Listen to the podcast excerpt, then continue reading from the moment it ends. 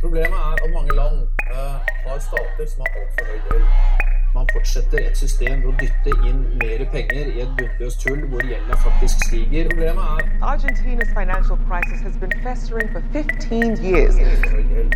Alt, alt, alt for høy gjeld. Stadig tøffere og tøffere og tøffere over i disse landene. Du hører på Gjeldsbrevet, podkasten til Slugg, nettverk for rettferdig gjeldspolitikk. Jeg er Karoline Arnesen, Og jeg er Kristoffer Jacobsen. og i dag så skal vi snakke om klima og gjeld. Eh, to ting som har veldig mye med hverandre å gjøre, men det er ikke alltid så lett å se linken. Det har i hvert fall ikke vært det før, og vår påstand er vel at eh, det er lettere og lettere, eller det virker som at flere og flere gjør det, så derfor så skal vi oppdatere litt. Ja. Nå er det jo en liten stund siden vi har snakka om det. Det var tilbake i 2018. Da hadde vi en episode eh, som kom ut fra at det var en liten gjeng fra Slugg som var på Bali, på IMF og Verdensbanken sine årsmøter. Og der var jo du med, Kristoffer. ja, det var jeg. Og det var ikke så mange som snakket om dette her i 2018. eh, Men Slu ga seg selv oppdraget i å forsøke å sette dette på agendaen da, eh, på et seminar som vi arrangerte. Og eh, det var veldig populært, det seminaret. Det var fullt hus, men det var ikke så mange sterke krefter som hang seg på sånn kanskje i ettertid. Eh, og Klima- og miljødepartementet de så egentlig ikke koblingen. Sant? Så det var liksom situasjonen da, var sånn uh, Slugg eh, ropte høyt om det her, eh, men eh, ingen skjønte greia. Eh, men nå så, så skjønner folk kanskje litt mer, da, fordi nå er det jo litt Både klimakrisa er verre, og gjeldskrisa er verre. Og på toppen av den så har vi nå fått en koronakrise som har bremsa verdensøkonomien. Og så har vi samtidig med alt dette en gryende global gjeldskrise. Over 80 land har inngått avtaler om krisefinansiering, og over 100 land har vært i kontakt med IMF om krisefinansiering det siste året. Så Det betyr altså at over halvparten av verdens land har en ikke-bærekraftig gjeldsbyrde. Det er litt av en tid vi lever i, Karoline. Ja, og alt henger jo sammen med alt. Måten dette samspiller med klimafinansiering på, Altså gjeldskrisa. er at når et land har eh, store statlige gjeldsbyrder, så må en veldig stor andel av statlige inntekter gå til å betjene den gjelda. Dette er Thea Sofie Rusten Grastveit, politisk rådgiver i Slugg. Hun forteller at gjeldsbyrden et land bærer på, går på bekostning av alt mulig annet. Investeringer i helse, utdanning, sosiale sikkerhetsnett. Men også grønn teknologi, grønn infrastruktur, Um, alle mulige produktive investeringer man er nødt for å gjøre for å legge om energiforbruket fra fossilt til fornybart. Det at staters generelle finansielle handlingsrom skrenkes inn og krymper, det får konsekvenser for alle nye investeringer, også klimafinansiering og investeringer i grønn teknologi og sånne ting.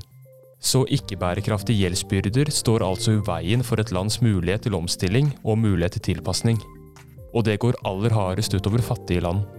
Men i klimaforhandlingene har man blitt enige om at rike land skal legge penger på bordet.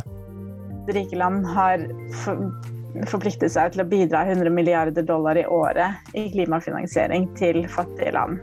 Em, og det er på en måte tuftet på at rike land har et historisk ansvar for klimaendringer. Ikke sant? Og det er jo vel og bra at man tar ansvar. Men uh, klimafinansiering er um, alle mulige former for finansiering. Det kan være bistand, det kan være lån med gode betingelser, eller det kan være rene markedslån. F.eks. Frankrike har en veldig stor andel lån i sine klimafinansieringsbidrag.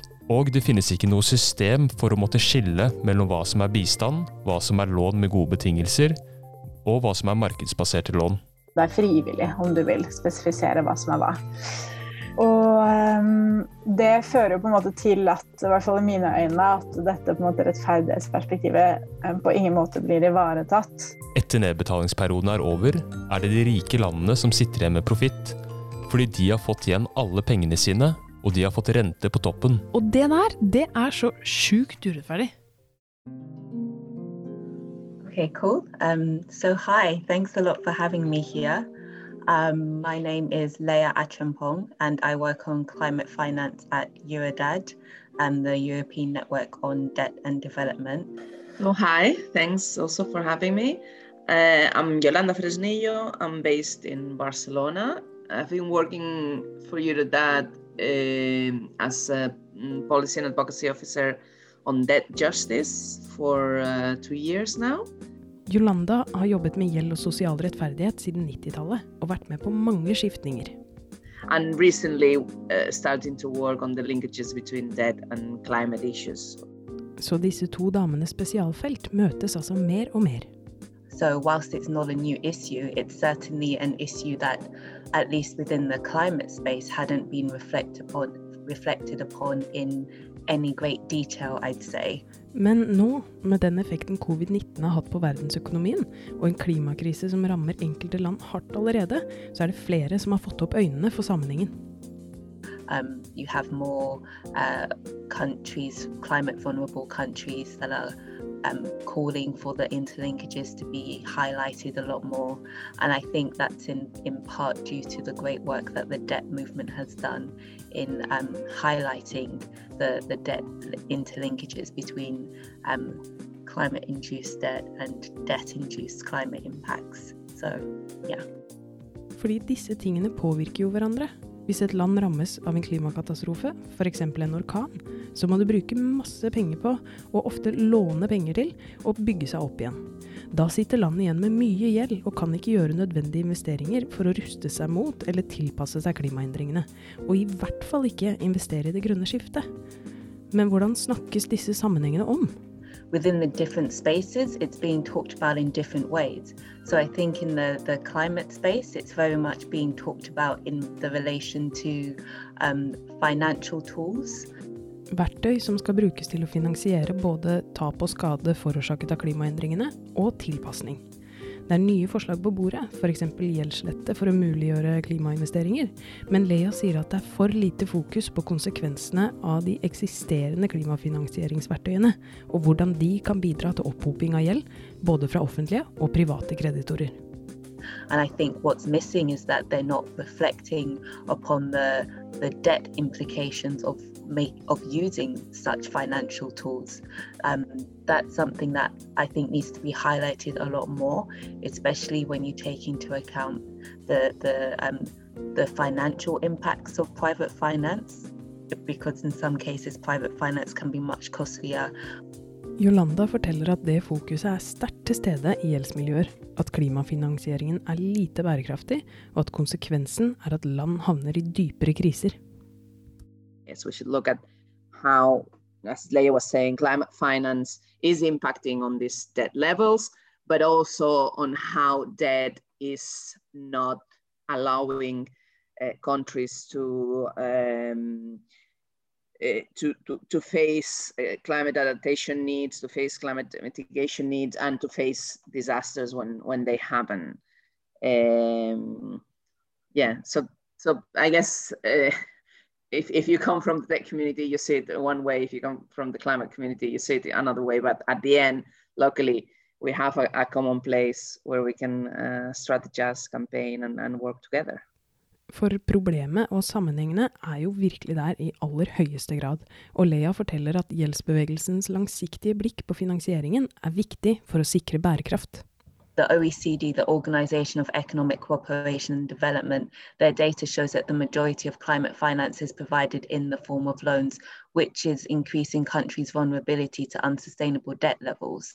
And whilst climate organizations have, have looked at the, the impact of loans and versus grants, I think that what has been missing is that um, insight from the, the debt movement on what the what the longer term true costs can be. Um, and I think it's further exacerbated by the fact that climate finance is being simultaneously overreported by some climate finance prov providers and underreported by others.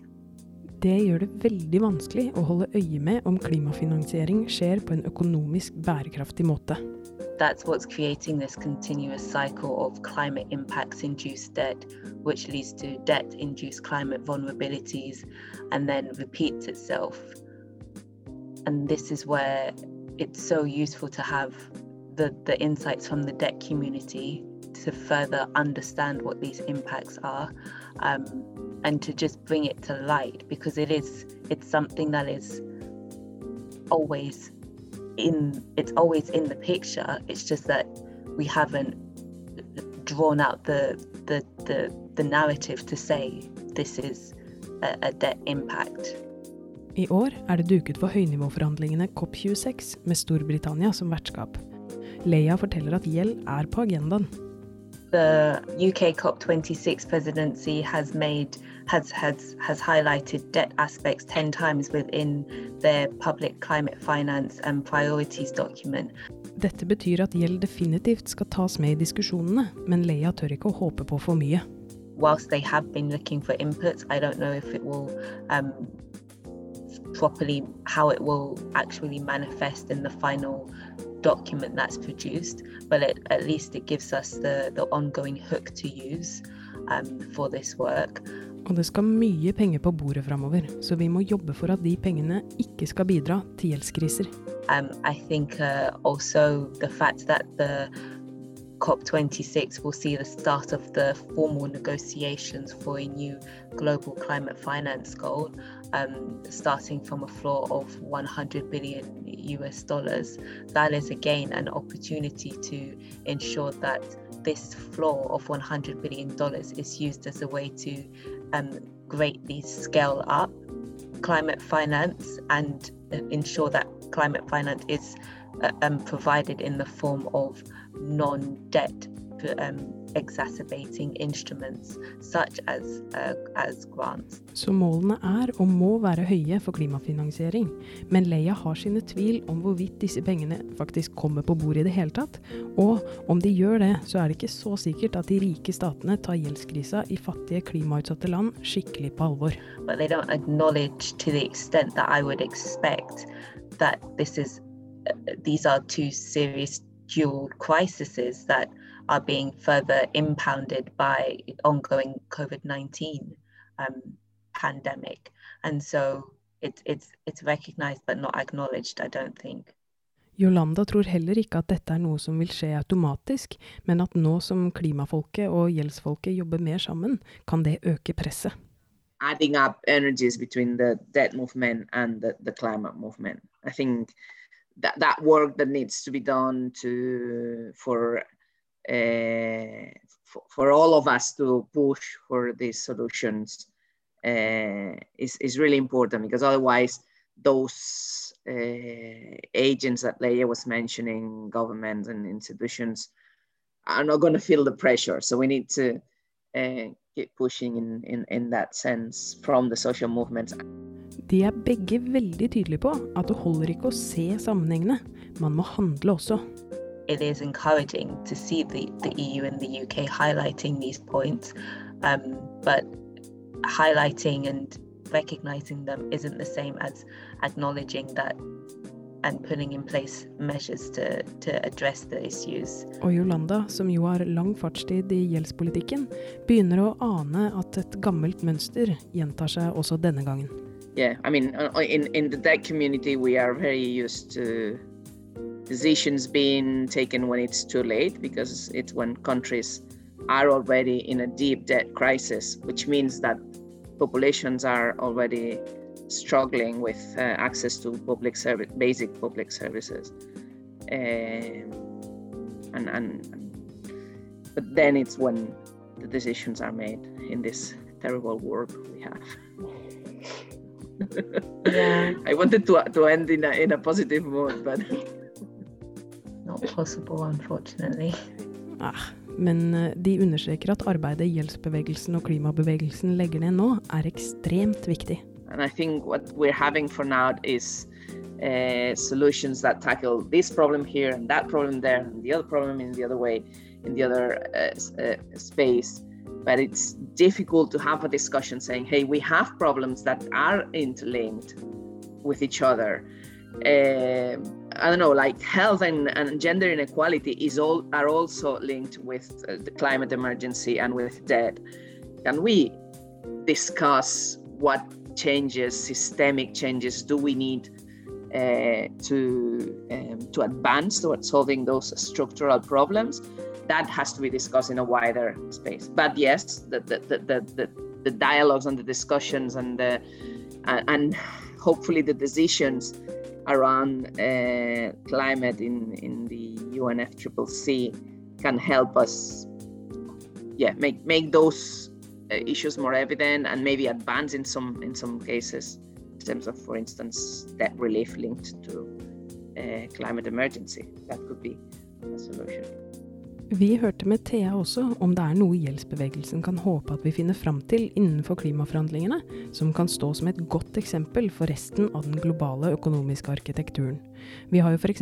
allerede gode prinsipper for ansvarlig långiving og låntaking, men vi har ikke noe system for å rapportere på det. Ikke sant? Du trenger noen kjøreregler, og så trenger du en operasjonalisering av hvordan de overholdes. Og der er jo kopp nyttig, da. At det er på en måte Man leverer sånne egenmeldinger stadig vekk. Som på en måte er en mye mer systematisk og omfattende måte å rapportere på enn, enn det man ser innenfor uh, gjeldsarenaen. Uh, så, så, kanskje det kan være et, et forbilde. Men kanskje vi ikke skal håpe for mye? Nei, vi, det er jo farlig, det. Hvorvidt man eh, kommer noen vei med det her, det vil jo avhenge av på en måte, hvor sterk mobilisering det blir rundt gjeldsspørsmål innenfor klimaforhandlingene, og hvor stor måte, bevisstheten blir. Da. Mm. Så, så det blir spennende å se i årene som kommer.